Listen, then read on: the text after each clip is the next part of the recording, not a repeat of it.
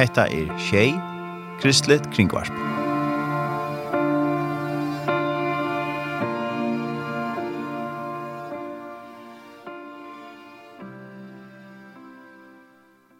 Vi hava finche. vi tar finche vidjan, og jo dorsjonet er Lars Enarsson, vi fyrir tåsa, jeg skal navn stille svengst eller okkort, den neste løtna. Eh, velkommen i vår studie her i Lars. Tack så jättemycket. Och Lars Enarsson, det var eh, det rätta. Det stämmer. Stämmer. Eh, nu är du på Färöarna och eh, Ja. Eh, ja, och det är första gången. Det här är första gången. Ja. Mycket intressant. Ja, välkommen till Färöarna. Tack ska du ha. Ja, och så välkommen här till vår Radio. Eh, och eh, ja, vi kommer att höra lite från dig vad, vad du har på hjärtat och eh, varför du är på affärerna. Kan du förklara lite om det? Varför du är här och det första gången? ja, orsaken är, eh, till att jag är här är därför att jag leder ett bönarbete för väckelse i Nordens korsmärkta länder. Och dit hör också Färöarna ju. Mm -hmm. Så um, vi, be, vi samlar bedjare från de olika nordiska länderna uh, i en bön om väckelse i Norden. Och vi vår längtan är att vi ska kunna resa upp eller vår målsättning ska jag säga är att utbilda 10 000 bönekrigare för väckelse i Norden. Mhm. Mm Och vad länge har du varit en del av det här arbetet? Jag startade det här arbetet 2018 så jag har arbetat med det i fem år mm. nu. Och Det är ju så att jag långt tillbaka 1977 fick en kallelse till bön. Eh Jag bodde då i USA och Herren började tala till mig om att han vill sända en mäktig väckelse i Nordens länder som kommer att gå ner över Europa. Så han sa till mig att flytta till, tillbaka till Sverige och komma tillsammans med andra bedjare för att be om det här. Så vi hade ett bönarbete där vi bad i tio års tid. Jag fick se många bönesvar. Jag blev en medarbetare i, tillsammans med Kjell Sjöberg som har varit här på Färöarna vet jag. Mm -hmm. Han blev min andliga mentor, okay. andliga far. Ja. Så vi arbetade tillsammans i flera år mm -hmm. i förebedjare för Sverige. Mm Men sedan eh, så var jag pastor i en eh, lokal menighet eh, under några år innan Gud kallade mig på nytt till USA för att eh, eh, bedja om väckelse där 1992 till 95. Mm. Så, och där eh, skrev jag också en böneskola, författade en böneskola som för att undervisa människor att få ett starkt personligt böneliv. Mm. Den har översatts till många olika språk och vi fick se hur Gud sände en förnyelse ibland Guds folk i Amerika efter tre år. Mm. Sedan kallade Gud oss till Israel. Mm Och där har jag bott nu i 25 år. Mm -hmm. Och där har jag undervisat böneskolan där, både på hebreiska och arabiska, översatt till. Vi får se hur menigheterna där har också växt och fördubblats och tredubblats på väldigt kort tid. Men som sagt, 2018 så fick jag en förnyad kallelse till Sverige och Norden. Och det är ju märkligt att jag skulle få det utifrån Israel. Ja. Men jag tror det finns en koppling här. Vi vill se en välsignelse komma till Nordens länder utifrån att de också har en koppling till Israel. Uh -huh. och, och, så det är väldigt betydelsefullt. Eh, och eh, nu har jag då hållit den här böneskolan i, i Um, både i Finland och Sverige och Norge och Danmark. Jag har nu besökt på den här resan Island också. Och så ville jag komma till Färöarna och skapa kontakt här. För vi känner att Färöarna är väldigt eh, viktiga mm -hmm. för eh, hela Norden och jag tror för hela Europa. Och jag är så tacksam att jag får, fått komma hit. Ja. Eh, så du... Eh har inte haft kontakt med någon här på affärerna för du kom här? Eh, nej, alltså orsaken till att jag kom hit nu var därför att jag fick kontakt med eh, Jenny Sovrana eh, via um, eh, bekanta i Danmark mm -hmm. som rekommenderade mig att kontakta honom och då inbjöd han mig att komma hit Så ikväll kommer vi att ha en samling på Skandia... Skansa hos ja. Skansa hos Skansa hos Ja, Skansa hos Ja, var det är forskliga, forskliga missionsfällskap är, är samlas. Ja, precis. Ja. ja. ja. Klockan 20. Ja, klockan 20, ja. Ja, 20. Så det är en första introduktion för mig här på Färöarna. Och jag hoppas att det är inte den sista gången jag kommer hit. Nej. Men förr har du hört något om färjarna för det? Ja? ja, vi har bett mycket för färjarna och jag har hört väldigt mycket gott om färjarna. För min egen del så kan jag säga att när jag, när jag bad för färjarna och för Norden, det var speciellt för färjarna för några veckor sedan bara, mm så fick jag se en regnbåge över hela Norden från ryska gränsen i Finland där vi har besökt många gånger och ända över hela Norden till Färöarna. Mm. En en löftes nådesbåge över Norden. Så Gud talar om att han behövde ett fäste här i väster på Färöarna för den här löftesbågen, regnbågen över Norden. Och då bad jag väldigt till Gud att jag skulle kunna få komma hit och träffa bedjare här och um, förhoppningsvis vara till uppmuntran för de som ber här. Men framförallt också att ni kan få bli en uppmuntran för oss. Jag tror det är mycket viktigt att vi beder för varandras länder. Och vi behöver Färöarna. Så, behöver varandra. Ja. ja. Vi behöver varandra. Ja. ja. Det är så det... Ja. ja Okej, okay. behöver varandra. Ehm, en god vän till mig som har varit på Färöarna en, en del, han kommer ifrån Norge, han, han heter Gunnar Brudeli. Uh -huh. Han skickade mig en eh, profetisk eh, eh, ord som han hade fått genom en, en kontakt. Jag ska se om jag hittar det här nu, men det, det, där Herren säger så här, Färöarna är en Svebank. Uh -huh. Sve betyder ju liva. Ja.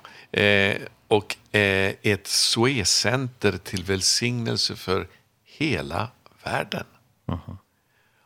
Och så jag är så förväntansfull att se fram emot vad, vad Gud kommer att göra här på Färöarna inte bara för er utan för många många andra. Mhm. Uh -huh. Så uh, det är ett spännande arbete det här. Ja, jag älskar det. Jag tycker väldigt mycket om det och eh, det är så fascinerande. I min böneskola så talar jag om att bön är att samarbeta med Gud för att hans vilja ska ske. Mm. Vi vi beder ske din vilja när vi kan eh, eh, samarbeta med Gud och höra vad han säger. Mm eh, vad hans vilja är, då kan vi börja be att Guds vilja ska ske. Och det finns inget mer underbart. Det är ett stort ansvar, men det är en stor förmån att få vara medarbetare med Gud. Ja, men det eh och du du arbetar var eller du har ett ett ett arbete som heter Norden 214.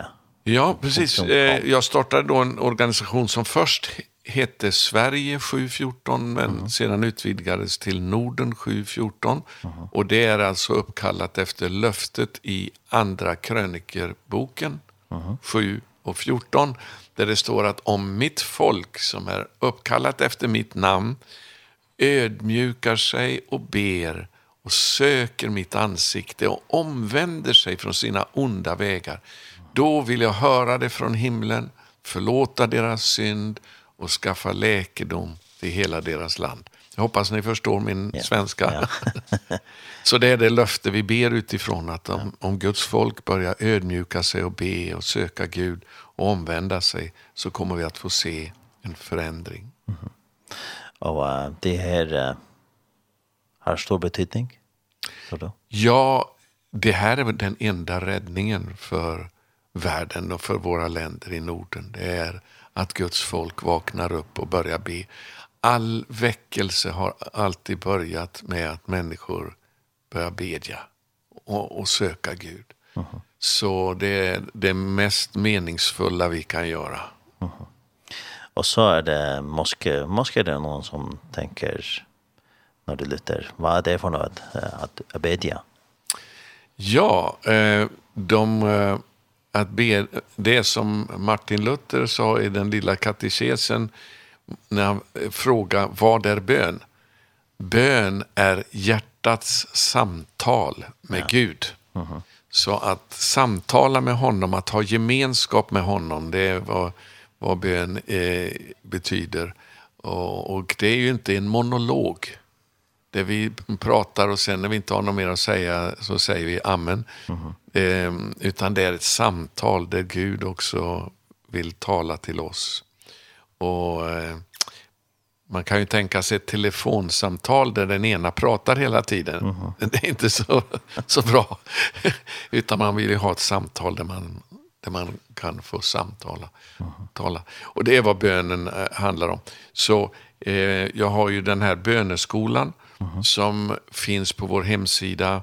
Eh, om folk är intresserade så kan de gå till norden714.com uh -huh. och där finns böneskolan eh, både på svenska, engelska, norska, finska, danska eh, och vi hoppas snart färöisk. Ja.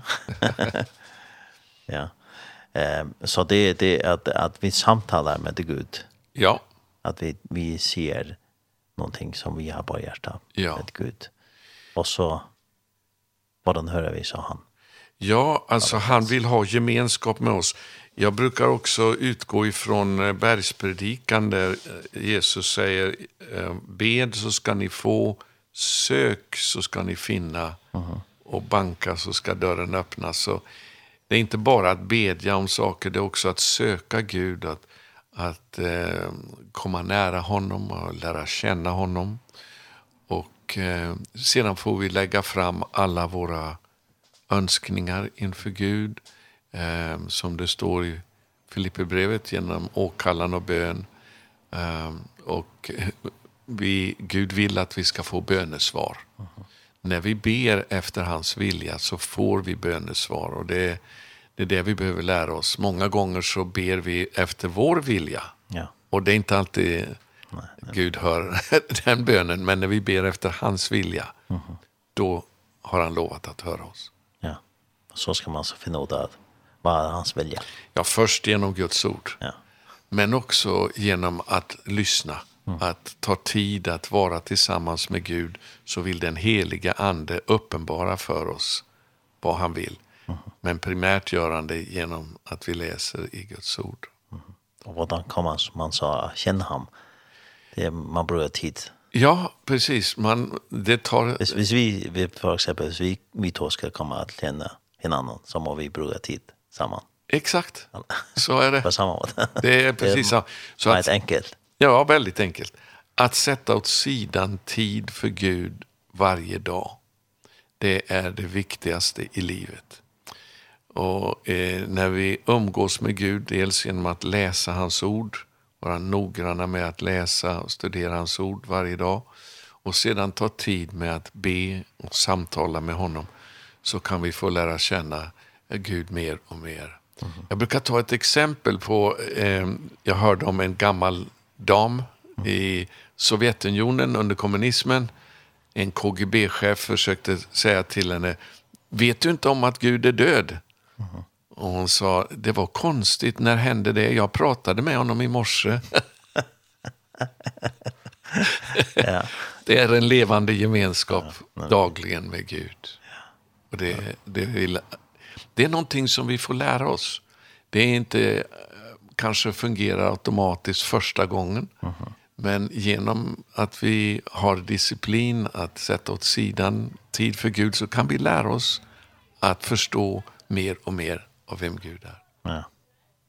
Så det är ett mycket spännande arbete att man säga att vara i det här ja. och så att fortälla andra om att vara med i det här arbetet. Absolut. Det är väldigt spännande arbete. Mm -hmm. Och är det många som är, är en del av det här arbetet? Ja, vi har eh, 12 000 prenumeranter på våra Youtube-sändningar varje vecka och eh, Så det är, vår målsättning är som sagt var 10 000 trogna bedjare varje dag. Vi, vi har eh, eh, tusentals som beder i de nordiska länderna och, och nu vill vi också koppla samman med bedjarna på Färöarna. Mm. Och uh, hvis uh, någon är hör det här av vill gärna vara en, en del av det här vad han Ja, det är bara att gå till vår hemsida. Där finns det mesta informationen om det. Eh, Norden714.com och där finns min böneskola att lasta ner gratis på eh, både video och, och eh, om de förstår då danska eller svenska eller norska så så eller engelska mm. så så går det också bra. Ehm och där kan de också prenumerera på våra Youtube-sändningar varje vecka. och Mm. Eller kan de också möta upp i aften i, ja. i Skansehuset. I Skansehuset. Mm. Sen inbjuder vi också till bön på Zoom en gång i månaden för alla i Norden att, att bedja tillsammans. Första måndag i varje månad. Mm. Första måndag. Första måndag. Ja. ja. Här på Färöarna så blir det klockan 18. Ja. Klockan 6 på kvällen. Ja. Och det är bara i, i svenska tid. 7. 7, ja. Ja. ja. Och, och ja, vis vis vis någon vill möta dig eller är en del av det så kan det möta i Skanshuset i kväll. Eh, klockan 20. Klockan 7. Så det är en onsdag klockan ja. 20 hvis det till... 20. 20, ja. Mm. ja. Nej, klockan, nej, klockan 8 åtta. Ja, klart åtta, ja. Ja. ja. Är det i, i, aften och det är en onsdag hvis, hvis någon då lyssnar till genomsändningen av det program. Precis. Så är det onsdag klockan åtta ja. eh, i aften. Ehm um, ja, hvis eh, uh, jag tänkte om om du kan fortälla lite mer om dig själv. Eh ditt vittnesbörd måske, hvordan er du kommet til å kjenne Gud och Jesus? Ja, ehm jag växte upp i ett troende hem där min far var pastor. Min farfar var predikant. Min farfars far var också predikant. Så jag kärde, lärde känna, jag är så tacksam till Gud att jag fick en sådan uppväxt. När jag var 12 år gammal så överlämnade jag mig medvetet helt för att ge mitt liv till Gud um, och inbjuda Jesus att komma in i mitt hjärta så att jag säkert visste att jag, att jag är född på nytt. Mm. Och eh, sedan också när jag skulle börja sista terminen på gymnasiet så tog jag tre dagar för att vara ensam med Gud och överlämna hela resten av mitt liv till honom. Mm. Och det har jag aldrig ångrat. Och sen dess har han varit med mig och lett mig. Mm. Så han har varit trofast? han har varit trofast. Ja. Genom alla svårigheter och problem som det också innebär, men han är med. Är det alltid lätt att ja, vara en kristen? Nej, det, man, får, man får vara... Att vara en kristen är en kamp. Mm. Det är en kamp både mot världen, mot synden och emot djävulen. Mm -hmm. Så man har gott om fiender och man behöver Gud för att klara det. Mm -hmm. Så, och det är ju, vi lär oss att lita på Gud ofta när vi går igenom saker som kan vara väldigt svåra. Det är där vi får prövas och växa i vår tro. Så det är, det är en utmaning. Uh -huh. Men med Guds hjälp så går det bra. Ja. Ehm har du måske ett eh en historia eller vad är det att följas med Gud eh hjälper han i allting. Ja, det måste vara någonting som har har varan han har gjort en forskel i ditt liv. Ja, alltså eh, vi Gud inbjuder oss att komma till honom med alla våra problem och lägga fram det i bön till honom för att han ska hjälpa oss och leda oss. Och det har han gjort så många gånger i mitt liv. Jag är så tacksam till exempel för den hustru han har gett mig. Mm -hmm. ehm, och och det är en sån stor gåva som som jag är så tacksam för. Det är ju det viktigaste beslutet vi fattar i livet efter att vi väljer Jesus som Herre så är det vem vi ska dela hela det här livet med. Aha. Och eh, det familjen eh, ligger väldigt starkt på mitt hjärta.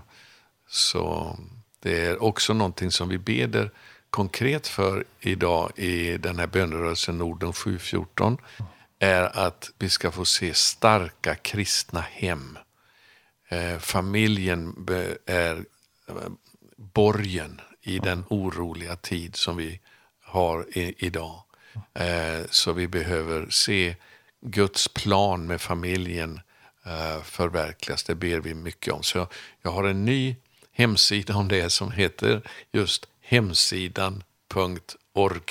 Uh -huh. eh, med, där vi går ut med ett upprop också att vi tror på det Bibeln säger om äktenskap och familj. För det är under attack nu, eh, även i kristna sammanhang. Uh -huh. Det är ju en katastrof att den pastorn i den största församlingen i Sverige idag- eh, säger att det är okej okay att vara homosexuell och medlem i hans församling och även vara ledare i församlingen. Och det här är en alarmklocka för oss eftersom eh, vi kan inte se att detta stämmer med Guds ord. Gud älskar alla människor men han vill inte att vi ska leva i synd och det är uppenbart ifrån Guds ord att det är mm. någonting som vi behöver omvända oss ifrån. Så det ber vi mycket för. Ja. Ehm och gör en forskel arbete. Kan du kan du fortälla lite om om om, om det gör en forskel arbete? Ja. Eh ja ja ja visst. Jo vi har fått se många bönesvar. Ehm eh jag vet inte om jag jag kanske kommer ihåg en speciell sak det är ju många år sedan nu men jag blir påmind om det när vi bad eh i november var första lördagen i november 1980, det är många år sedan. Men det var en väldig kris i Polen just då. Och eh, det var ett hot om att Sovjetunionen skulle invadera. Och jag glömmer aldrig när vi upplevde att Gud sa till oss att ni ska be för Polen nu. Det är inte min vilja att Polen invaderas. Bed att jag sätter ut mina skyddsänglar vid gränsen. Eh, så vi bad och och vi fick en sån ehm ja, speciell stark upplevelse att Gud hade hört våra böner. Mm. Eh två månader senare i januari så kom min hustru med morgonposten eh tidningen till mig och sa avisen och eh, läs det här. Och då fick jag veta att dagen efter vi hade bett så hade Vita huset sänt ett ilmeddelande på röda linjen, heta linjen till Moskva. Mm Där de sa att om vi känner till alla era planer på att gå in i Polen, om ni gör det så kommer det att innebära krig med USA. Och det här drogs tillbaka. Så eh, det är ett sånt där exempel som jag kommer ihåg av stora saker som ja, vi absolut. upplevde hur Gud svarar på våra böner. Men ja. Gud svarar på så många saker, både stora och små. Jag, jag, jag höll min böneskola nyligen utanför Oslo Och eh, efteråt så var det eh, pastorns fru i menigheten som kom fram till mig och bad om förbön. Hon hade fått en diagnos om en dödlig lungsjukdom som var obotlig. Hon hade bara 45 lungkapacitet kvar. Mm -hmm. Och jag enkelt bara la händerna på henne och bad i Jesu namn. Och hon hoppade till och sa, oh, det är någonting som hände. Jag träffade henne nu för mm. två veckor sedan och hon sa det fantastiska är att jag är helt botad, eh, fullständigt fri ifrån den här lungsjukdomen. Mm. Så det är stora saker, det är små saker. Eh, bön fungerar, det har jag sett i hela mitt liv. Ja. Och det är inte alltid att uh, Guds färre bönen på vår småte. Nej, det, är, det, är, det som vi, vi vill gärna vill. Men, precis. Ja, eh, Bibeln säger det att ni ber men ni får ändå inte därför att ni ber illa. Mm. Ibland så är det inte Guds vilja det vi ber om. Mm och, och, men när vi ber om sådant som vi vet är Guds vilja då kan vi förtrösta på att han hör oss. Så jag uppmuntrar alla att ha en bönelista och skriva ner vad Gud vill att de ska bedja för så kan man se sedan och det där har jag fått svar på, det där har jag fått svar på, det här behöver jag be lite mer om. Vissa saker kan Gud svara på med en gång, andra saker kan ta väldigt lång tid. Eh, många år, det kan ibland till och med ta generationer. Så, men Gud hör alltid när vi ropar till honom. Mm. Eh, måske det er någon som lytter som uh, tänker uh, ja, det er med bön, vad det er för något av, av hvorfor skal jeg bedre?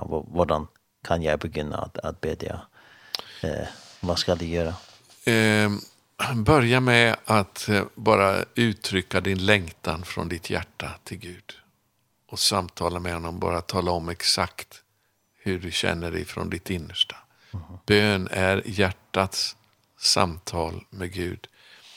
Och Jesus säger i bergspredikan att när vi eh, går in i vår kammare och ber i ensamhet till fadern så hör så står det faktiskt han ser vad som sker i det en, bön är mer än bara ord. Det är när vi våra hjärtans längtan börjar att sträcka oss ut efter Gud även om vi kanske inte har de rätta orden.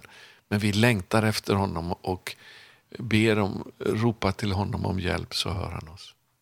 Vad ska, ska, man uh, beda höjt eller? Eh, man kan eh, bedja både högt och lågt. det är det moder. Ja, till och med att så Gud kan höra oss när vi inte ens säger några ord med våra läppar. Gud kan se våra hjärtan. Men ibland så är det att vi får ropa till Gud högt och han vi behöver liksom uttrycka vår vår nöd med rop till Gud. Så, och, och Gud hör oss på alla möjliga sätt. Mm. Ja, visst det är hvis man føler det, det er att, å gjøre det, så, så skal man bare prøve være i, ensam i, i et rum. Precis. Og prøve at snakke med Gud. Ja. Måske litt eh, lagt, alltså høyt, hvis man vil si ja. det. Men man har prøvd det og, og Exakt. trene seg i det. Jag hörde om en god vän som berättade han hade en kollega som hade bestämt sig för att han skulle börja be, söka Gud. Han hade gått igenom en konkurs mm. i sitt företag. Han hade en väldigt svår situation. Så han beslutade sig för att börja varje dag med att klockan fem stiga upp och be en timme. Mm. Efter en månad så kom han och var så glad och berättade för min vän idag på morgonen när jag gick för att be så märkte jag att jag var inte ensam. Det var någon där. Mm. Det är så det kan vara. Man liksom, plötsligt så förstår man att man, Gud är där. Mm. Och, och eh, det är väldigt spännande. Ja. Men det kom också med det att, att, att tro på man ska tro på att Gud hör bön och han är där. Man ska bara... Eh, liksom Peter gick upp på vannet. Ja. Man tror att jag kan ja. göra det. Ja. Alltså jag har varit med de gånger eh, då jag har haft väldigt svårt för att be. Mm. Det kan vara perioder man går igenom då man har väldiga svårigheter. Men vad jag gör då det är att jag istället tillbringar mer tid med att bara läsa Bibeln. Mm. För bibelläsningen den, den fyller mig med Guds tankar Och den fyller mig med Guds vilja och eh, löftena börjar att bli verkliga som väcker min tro och förtröstan på Gud. Mm. Så har du svårt för att bedja, det är min rekommendation, läs i Bibeln så kommer bönen att växa fram utifrån det. Mm. Så det det är inte det man man ska sätta sig med med föran TV TV och se, nu ska jag be men men med bringa tiden i, i Bibeln. Så, precis så. Eh, TVn kan många gånger och internet kan många gånger vara ett sånt stor eh, svårighet att komma över. Vi, vi blir så lätt beroende av all den informationen. Men det är den här informationen i Bibeln som kommer att hjälpa oss att kunna be. Ja. Och förstå vad Gud vill och hur vi ska bedja. Ja. Ja, är det eller någon andra ting som du har på hjärta som Ja, jag kan ju nämna det också i samband med att jag är så eh, betonar så starkt att läsa Bibeln så har jag eh, arbetat fram en bibelläsningsplan. Mm. Hur man kan läsa igenom Bibeln på ett år som en bibelläsningsplan som är väldigt unik eh, och den kan man eh, vi har en eh, hemsida om det också men om man går till uh, arielmedia.se mm. så finns det en bibelläsningsplan. Den heter Daily Bread, mm. dagligt bröd. Ariel media ett ord .se eh, och det är en fantastisk bibelläsningsplan som jag har följt nu i 12 år. Eh, och det har hjälpt mig att kunna be. Den där. Nu ska vi se det är helt svart där. Uh, jag ser inte någonting där. Ja, ja önskar. Uh, ja, precis. Arielmedia.se och där kan du gå till den svenska eller engelska mm -hmm. hemsidan där och läsa om Ariel Media. Vi utarbetar en ny plan varje år och bibelläsningen börjar inte första januari utan den börjar i den bibliska kalendern på hösten. Mm. Så vi följer den eh, urgamla bibliska kalendern eh, när vi läser igenom Bibeln och eh, det har varit en sådan styrka för tusentals människor. Mm -hmm. Den finns också som en podcast varje dag ah, ja. på engelska. Mm -hmm. eh, där min fru och dotter och en annan eh, kvinna läser för speciellt mammor som har mycket att göra med att ta hand om sina barn och inte hinner kanske läsa. De kan lyssna till när Bibeln läses varje dag enligt den bibelläsningsplanen. Så jag ska säga att jag har faktiskt, eh, även om jag är en eh, bibellärare, så har jag inte kunnat följa någon bibelläsningsplan förrän jag utarbetade min egen. Mm. Och jag gjorde det för att det skulle kunna hjälpa mig. Och det har varit en sån välsignelse, för, inte bara för mig som sagt, utan tusentals andra. Mm. Så vi ger ut den dels som, i bokform, varje, ny varje år eftersom det bibliska året är annorlunda varje år. Mm. Eh, men vi gör också ut den som en eh, app. Okay. Mm. Daily Bread app. Ja. Så man kan eh, tanka ner ifrån nätet. Mm. Ja, många som brukar det att läsa på, på telefonen. Ja, vi uppmuntrar alla att eh, läsa ifrån en bibel. Ja. Om det är på papperform eller på, på nätet eller vad det är, bara det läser det. Ja. ja. Det är det som, att det är många möjligheter idag att få Guds ord. Ja. ja det är... Låt oss fylla oss med Guds ord. Ja, det är mycket gott.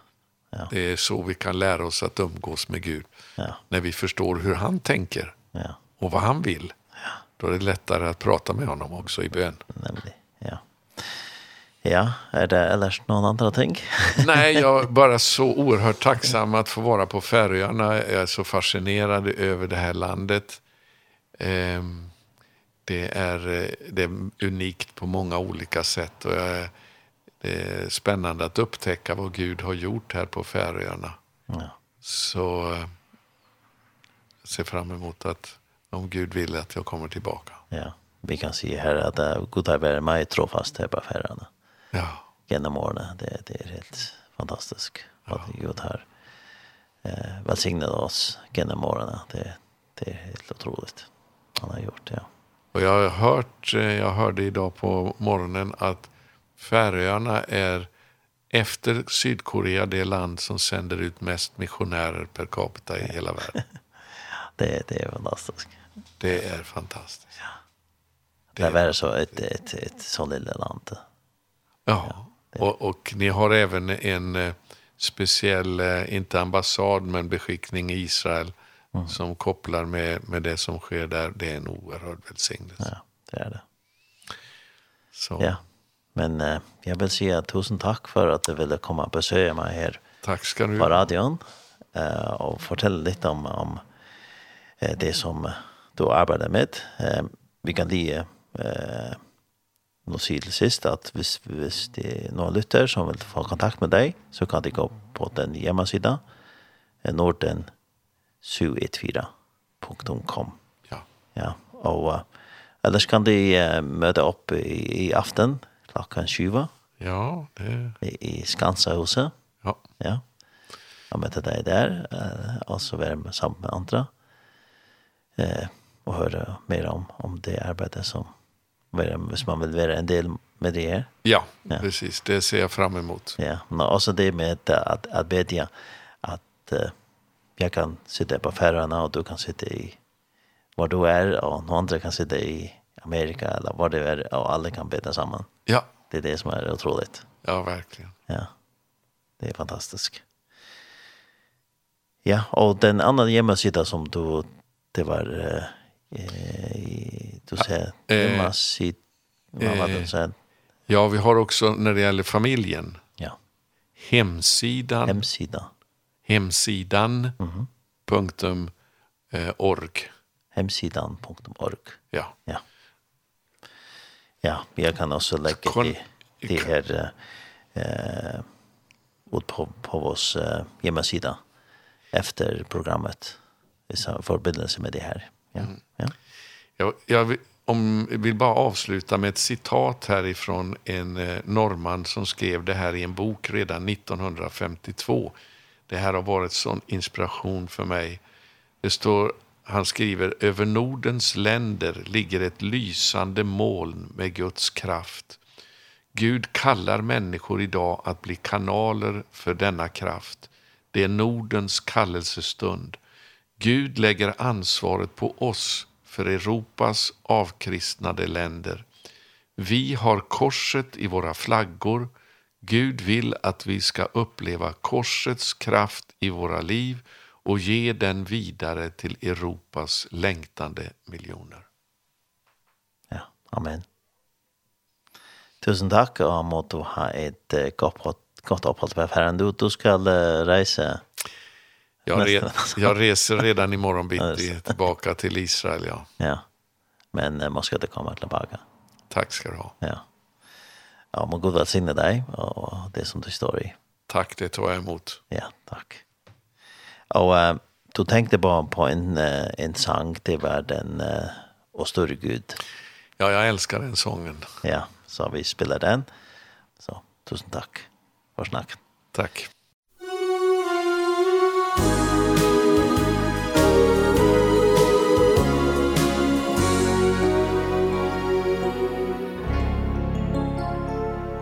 store Gud När jag den värld beskådar Som du har skapat Med ditt allmaktsord. Hör där din visdom Leder livets trådar.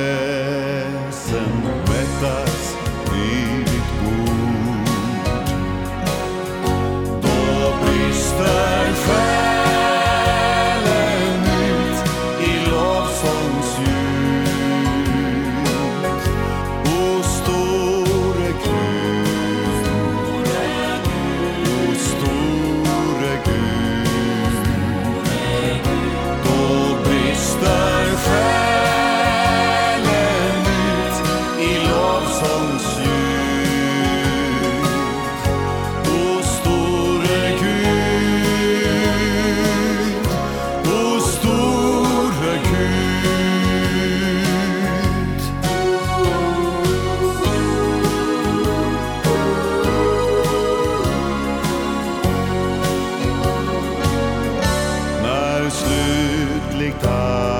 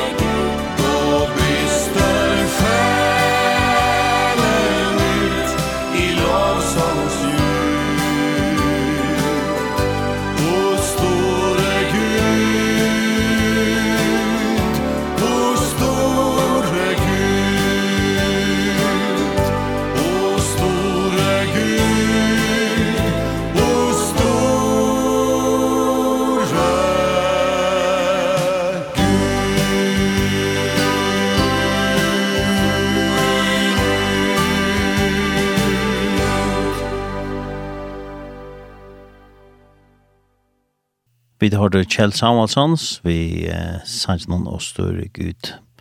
Og det var um, at han har vi pratet vi Lars Enarsson, og han eh, har bør vi fellesskap noen, som heter Norden, eh, tjejatfyrstan.com. Her kom til ferien hjemme til hjemme sina, og lesa meira om det. Og han, eh, ja, han så igjen er av svenskon og norskon, og kjem nokka dansk og nøysne, og om at uh, bya, at bønner skoler i nøysne, og så kan man nøysne uh, fra YouTube, her er lunchen i Astat og syne, og se til YouTube, her man kan nøysne hitje det vi skal vite gjennom om, om bøn, og om bønner skoler. Og han uh, kommer annars ur Sverige som vi tar til.